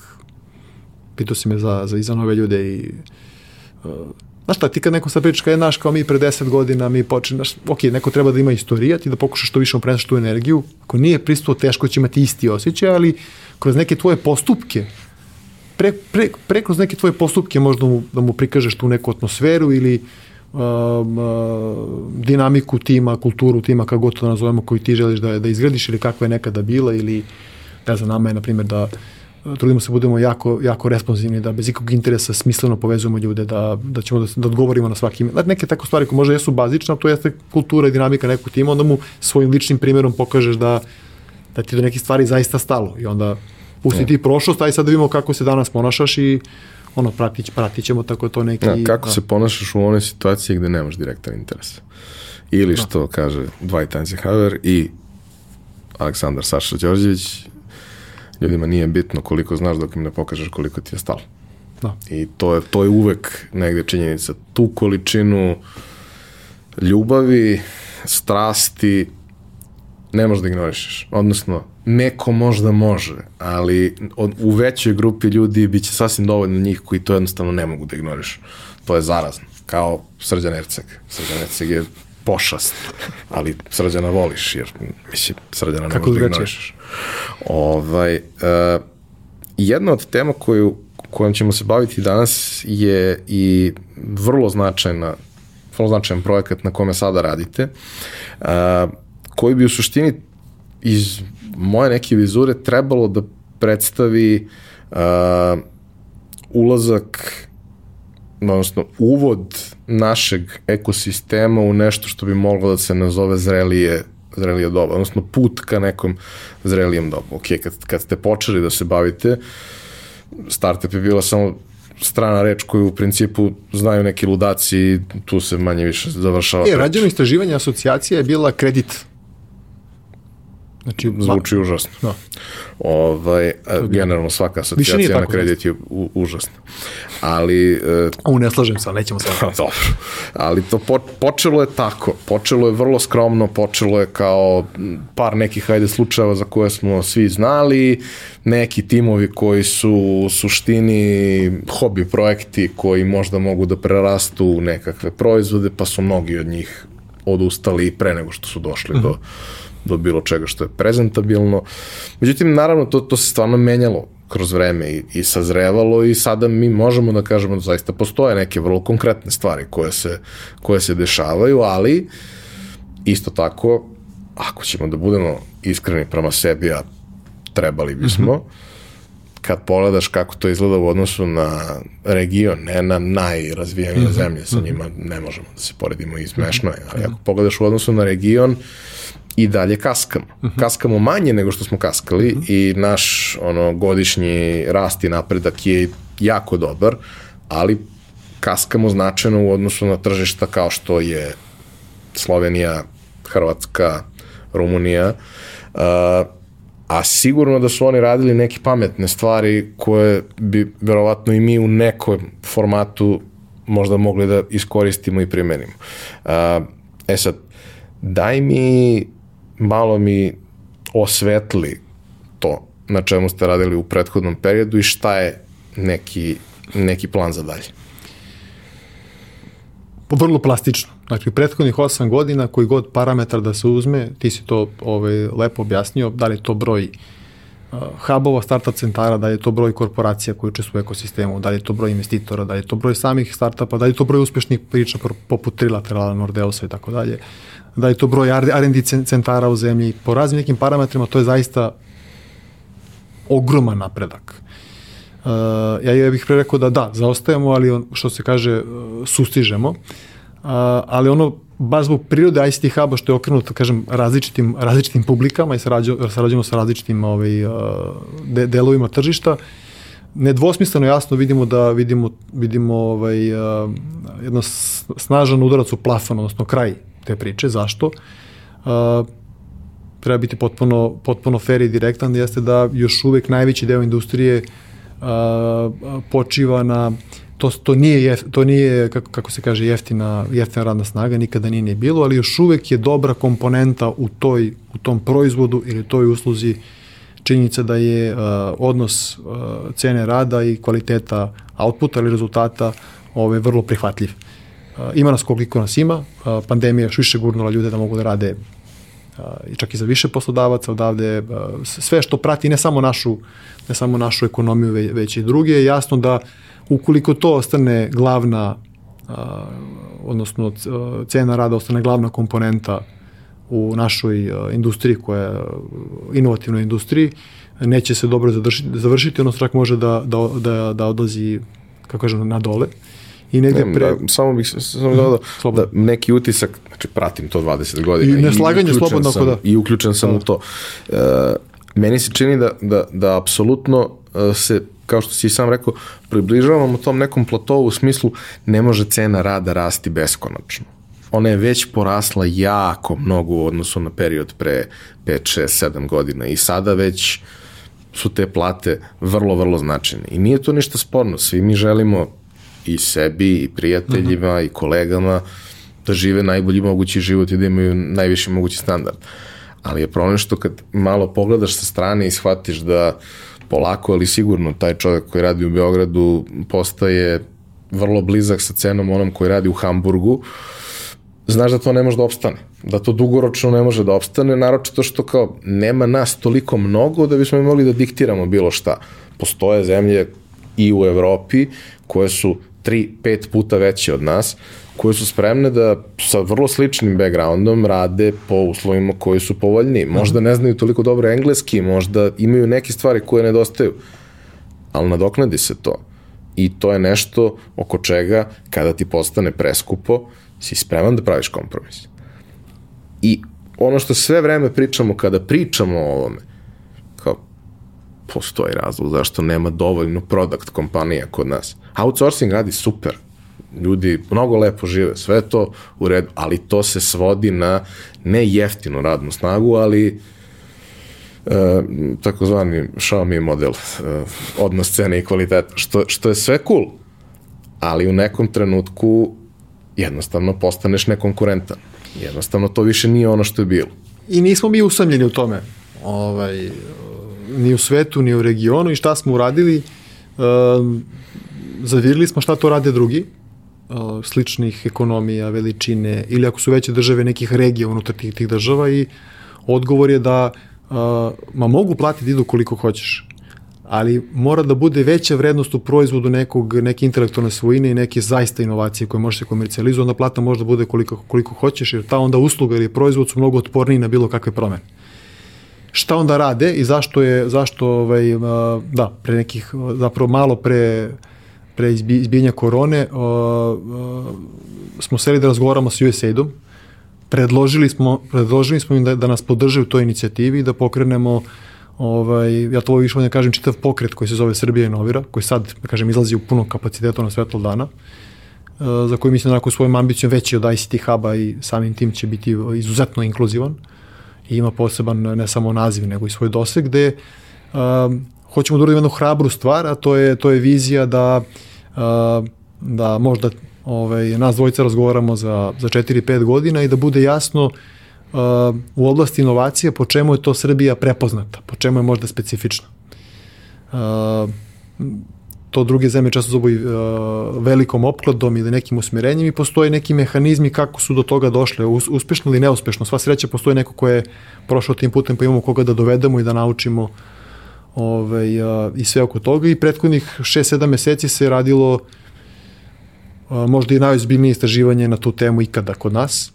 Uh, različitim metodologijama, retrovizor, gledanje u budućnost, raz, razgovarano sa preko 300 ljudi koji zaista moraju da budu pitani odavde iz regiona, međunarodno, preko 10.000 anketa, okruglih stolova, da bi se došlo tih nekih stvari i usaglasili ovi različiti stakeholderi oko toga da tu priču guramo zajedno.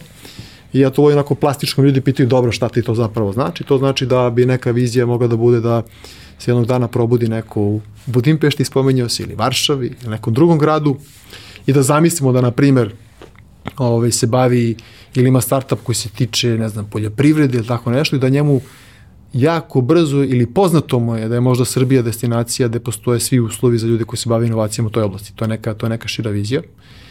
Uh, zašto to već od nas, zašto ne možemo sami to da izvedemo? Ovaj, jer uh, taj mehanizam u svetu se zove super klaster.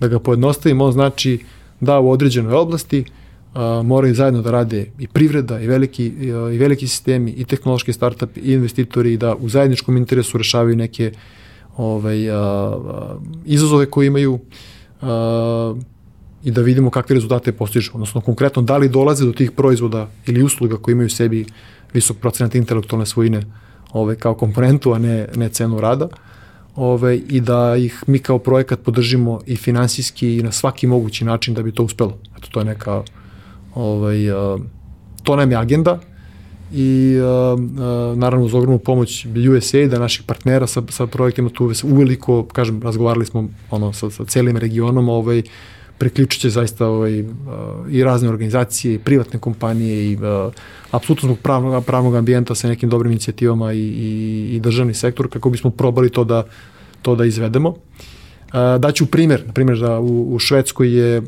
jedan od tih, tih velikih oklada njima, je, su, njima su inovacije u oblasti medicine, Uh, Poljska dosta, Poljska, ima neka tri domena ovaj, u kojima, kojima se definiše, jedan od njih je automotive industrija, dosta ovaj, posluju sa Nemačkom, ali države imaju agendu oko toga, pogotovo što tema migracije ljudi, tema talenta, radne snage i pre pandemije bila kakva jeste, ovaj, tako da svako traži to neki, neki svoj prostor i da onako ne budemo sve svima, super, nekako super je raslo sve, ove, vezano za, za temu inovativne industrije, IT-a pogotovo ove, u, u, u našoj zemlji, onako organski što se kaže kao Uh, sad je ipak vreme se malo, što kaže, počiša i usmeri da imamo neku, neku jasan plan ili strategiju i, ajde kaže, mi smo neko ko je to inicirao, ubacit će malo gorivo, ali je svakako priča koja je šira od nas i ove, ćemo zaista pozvati sve, ali ne kao ono pozivamo sve kao fora, nego pozvati zaista sve da se uključi, da pomogu, da probamo da taj da tu promenu ove, izvedemo zajedno. To je, to je neka ideja. Ideja je da se identifikuju koje su to četiri oblasti u kojima mi zapravo možemo da ponudimo najviše i gde možemo da. zaista da se pozicioniramo na najbolji da. mogući način. Da upravo to kao što si dao kao primer uh, da, da uh, kada nekom padne na pamet mi budemo jedna od idealnih destinacija odnosno ne postoji idealna ali jedna od objektivno boljih destinacija za neke određene specifične stvari za koje imamo sve potrebne resurse, ceo potrebni know-how, gdje možda fali nešto, ali to nešto može da se nadomesti ako postoje ostali preduslovi za to.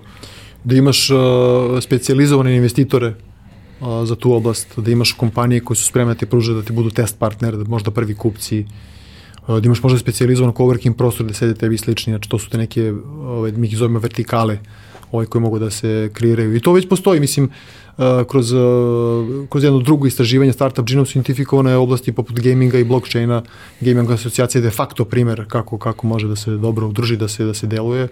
Tako da ćemo truditi da, budem, da, da nekim oblastima budemo samo dodatna vrednost, da podržimo nešto što već ovaj, što je već, to je već dobro, ali da, ono što jeste kompleksno to je da baš imajući u vidu pandemije i čitavu ovu um, ako ćeš i geopolitički, geoekonomski ovaj, uh, promene koje se evidentno ovaj, dešavaju, treba samo malo biti onako hrabar i reći šta je to, ja, laki je pogled u retrovizoru, ali šta je to što je što sad treba da posadiš da bi imalo smisla za, za, za 4 ili 5 godina. To je... Uh, znaš šta mi je? Znaš jedan... što je isto bitno? Nama, moraju da dolaze ljudi u Srbiju. To zvuči možda onako, kao nema, ono, preteruješ, tako dalje, ali evo, od 1. januara uh, potpuno možeš normalno da radiš iz Severne Makedonije, Albanije i vice versa. To je jedan. Dva Nordeusti, ono, super primjer, ne znam tačne brojeve, ali znam da onako broj zaposlenih, pa sad broj zemalja, odakle dolaze ti ljudi je evidentan, ali nastoje na osnovu jednog zdravu, zdrave privatne potrebe, privatnog interesa da ljudi dođu ovde da rade. E, to je sad scenario. I sve je više takvih firmi, da se razumemo. I sve je više slučajeva da na recimo 300 ili 500 zaposlenih imaš 10-15% ljudi koji su došli iz raznih zemalja sveta koji donose neki specifičan know-how koji, koji ti je neophodan. A ja sam to video, vraćam se na moju kancelariju u Hagu, ja sam video kako izgleda kad radiš u timu, kad su ljudi, kad dolaze ljudi ono, iz, iz deset različitih zemalja, kontinenta, video sam na delu onda kako to drugačije nego kad smo svi ove, ovaj, iz iste, znači to nam treba, kaj da kažeš, taj uh, više ljudi sa strane ovaj, bi bilo ono, idealan scenario za, i verujem da može da se dešava, verujem krenuo sam malo pa da, da kažem nešto što je možda jako glupo, ali meni deluje kao vrlo smisleno i logično u ovom trenutku. A to je, mislim, ja sam ono, u osnovi marketar, radim ja i sve ostalo što me interesuje, jer ne mogu baš da se odlučim za jednu, dve, tri, pet stvari. Nemam potrebu da se bavim više različitih stvari, ali postoje tako s vremena na vreme neki proizvodi, neki brendovi, neki slogani koji su mi, ono, wow -hmm. koji su mi jednostavno wow. Vrlo su često jednostavni, ali su nevjerovatno dobri. Jedan od mojih omiljenih uh, slogana koji opisuje fantastično proizvod, koji je pritom proizvod je dobar, što, što pomaže, naravno, jel? Ovaj, je slogan i u originalnoj varijanti i u prevodu ovaj, slogan za tetrapak koji eh, kod nas se prevodi kao štiti što je dobro, a u originalu je protect what's good. Mm -hmm. I to mi je, ta, taj moment mi je ono kao, uh, šta, šta u suštini, čime se ti u suštini baviš? Pa ja sam u suštini tetrapak. Ja pokušavam da ono što je dobro, sačuvam, očuvam, održim, uzdignem, omogućim da stigne gde mm -hmm. treba da stigne. I kao, verovatno je suludo, možda će neko mi da bude, a mislim da će i neki ludak da se pojavi koji će da shvati šta, šta, šta zapravo time pokušavam da kažem. Ško, ta vrsta zaštite, posebno u nekoj fazi kada je sve krhko, uh mhm. -huh. a mi jesmo u fazi kada je sve krhko, da opet slikovito izrazim, možda to jaje više nije prepeličje, ali je i dalje lomljivo. Možda je malo veće, ali je i dalje lomljivo i problematično i nezgodno za transport.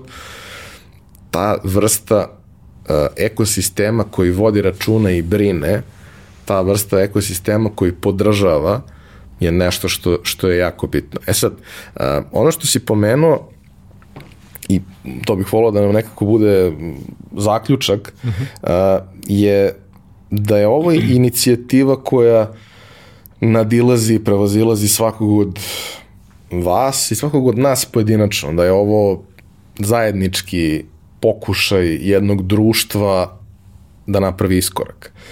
E, da bi se to desilo, što više ljudi treba da bude uključeno i što više ljudi treba da doprinese. Na koji način mogu da se uključe, na koji način mogu da isprate šta se dešava, koji doprinos ko može da da, čisto kao neki primer, kao neka tema za razmišljanje. Mi ćemo tokom, e, tokom decembra izaći sa valjanom argumentacijom na koje četiri oblasti domena se, se kladimo da mogu da budu to po čemu smo ovaj, prepoznati u perspektivi. Izaći ćemo sa, sa ogromnim javnim pozivom, konkursom, ekstenzivnom komunikacijom na koje sve načine i privreda, i naučne institucije, i univerziteti, i, i startup investitori mogu da se, da se priključe da pronađu neki svoj interes. Znači, vrlo onako plastično, direktno, jasno, ove, ćemo se truditi da dođemo do svakoga, a trudili smo se makar ovde kod nas u zemlji da veliki broj ljudi, makar o našim namerama informišemo i kroz to istraživanje koje je bilo toliko ekstenzivno. Tako da kažem, ajde da kažem, ona neka baza ljudi koji se bavi ovom oblašću negde je ovaj, ve, ve, već i čula, ali uh, uh, veruj mi na reč, doći ćemo do svakoga jer ajde ne da zvuči zaista demagoška, zaista je tako, ukoliko mi ne uspemo da iniciramo, to bude ona grudva koja se zakutrlja, ali neće stvar uspeti. Znači, spremni smo i na, i na krajnju liniju i na neuspeh, ali nećemo dopustiti da, da tako lako do, da do njega dođe, ali dajte nam na tom inicijalnoj fazi i hvala ti za to na ovoj prilici ovaj, jako važno toga napravimo ovaj, čitav pokret, a iskustva drugih zemalja nam govore da kada se ljudi koji inače ne, ne pričaju dovoljno, imaju zajedničke zdrave ekonomske interese, kada im staviš da strukturu saradnje, podržiš ih u tome finansijski na svaki drugi način da se dešavaju rezultati.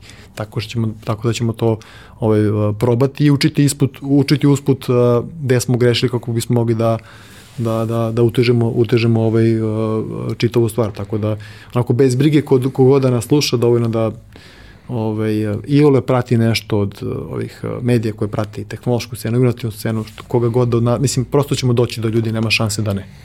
I onog trenutka kada, da kažemo, izađete sa, sa nekim uh, predlogom šta i racionalizacijom zašto, bit će mnogo lakše da se, da se ljudi uhvate za konkretno one stvari gde, gde vide sebe, gde, gde vide da mogu da naprave neki doprinos.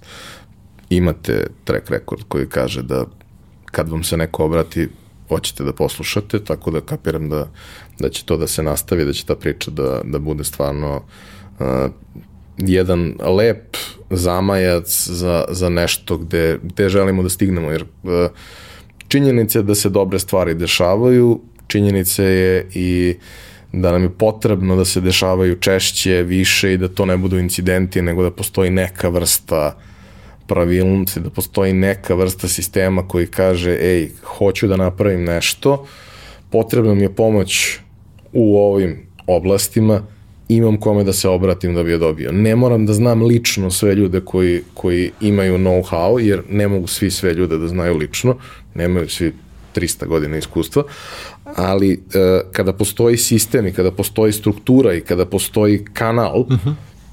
doći ćeš do svih onih koji su ti neophodni, dobit ćeš tu podršku onda kada ti je potrebna i imaćeš mnogo bolju šansu da, da napraviš nešto. Startup i inovativne e, tehnologije su nešto što nije izvesno i nikad neće biti izvesno. Nije uopšte stvar u tome da ćemo mi ovime da povećamo uspešnost na 100% samo ćemo da je povećamo sa 2, 3 na 7, 10, što je već drastična razlika. Jedan super primer, ovaj, ja kratko ću. A, nije startup, ali izuzetno inovativna kompanija, u pitanju je ovaj, a, južni deo Srbije, više da, ovaj, južni deo Srbije. A, radi izvoz vrlo sofisticiranih stvari ovaj, i sad taj njihov proizvod ima u sebi opet neke komponente ispostavi se da uvoze neke delove na 20-30 km od njih postoji uh, postoji ovaj, domaća opet firma koja je to mogla da im proda. Kroz istraživanje slučajno to skapiramo, povežemo ih rade zajedno. Koliko ne pričamo međusobno, koliko nismo informisani. Broj dva, procenili su da, da će im biti brže da da uđu do, u dodatni uh, novi proizvod za, za koji su videli priliku tako što bi akvizirali neku manju kompaniju. Nisu znali, a postoji sada poreski posticaj da ako ovo, investiraš u, u, u tehnološku kompaniju da ti se odbije od poreza, dakle nisu znali pa smo i tu informisali da to već postoji, tako da tu već postoji dosta stvari koje samim ute, i utezanjem i boljom, mi to zovemo gustinom, jačom komunikacijom će se poboljšati, za ovu veliku promenu ipak potrebno ovaj, a, i više kilometara i, i, i više mišića, tako da ovaj, a, onako, da, izuzetno smo uzbuđeni zbog toga, ali mislim da nas tako, tako veliki ciljevi ovaj, i onako, guraju da, da, guraju da, da, da ozbiljnije shvatamo neku svoju misiju u ovom poslovnom svetu. Svaka pojedinačna stvar koju budete radili će napraviti razliku i to što će napraviti razliku je jedan deo koji je značajan, naročito tim ljudima kojima napravi razliku, a ono što je mnogo važnije, ono pokazat će nekom širem krugu ljudi da to može, šta može, kako može, gde mogu da se obrate, pokazat će im da postoji neka mogućnost i to je u principu, nažalost, način na koji se mi najbolje informišemo